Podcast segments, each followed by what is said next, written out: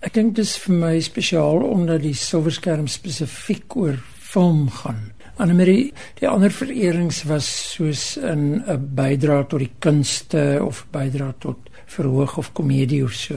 Maar hier is nou spesifiek oor film. Interessant, Simon Barnard is besig om 'n profiel oor my te skiet en ek moes nogal navorsing doen oor alles wat ek al gemaak het. Ek het nie besef nie maar ek het omtrent 27 films in my lewe gemaak. Wel, ek het hulle nie gemaak nie, ek was in hulle. Die eerste film was die sergeant nie Tiger Moth saam met Katinka en Koos.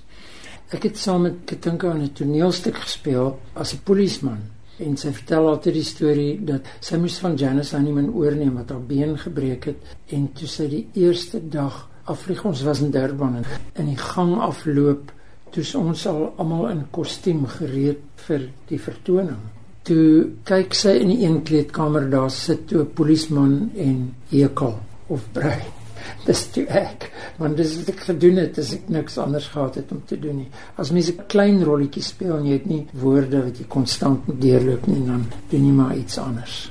En dit was vir snaaks en ek was toe vir snaaks op die verhoog ook as 'n polisieman.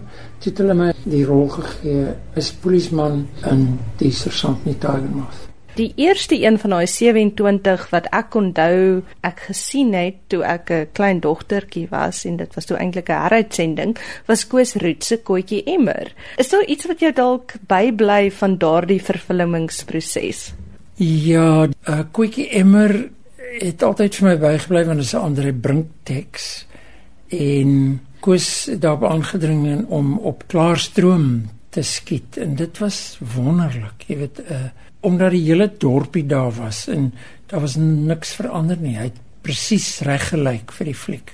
Die konteks van die film het ons kon leef daar.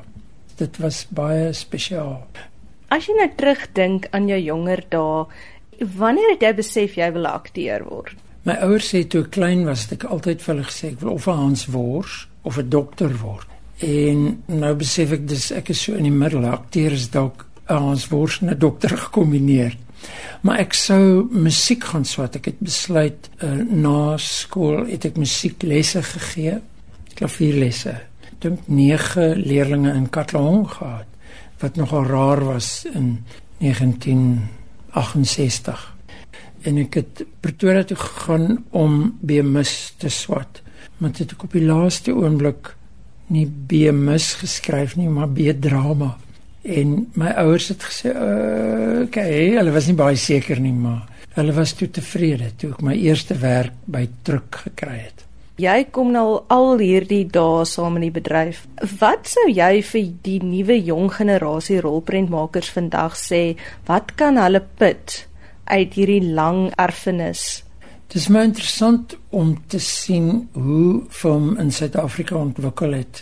Ek dink omdat die tegniese vaardigheid so ongelooflik ontwikkel het. Kyk jong filmmakers baie meer na die visuele as na die vertel van die storie.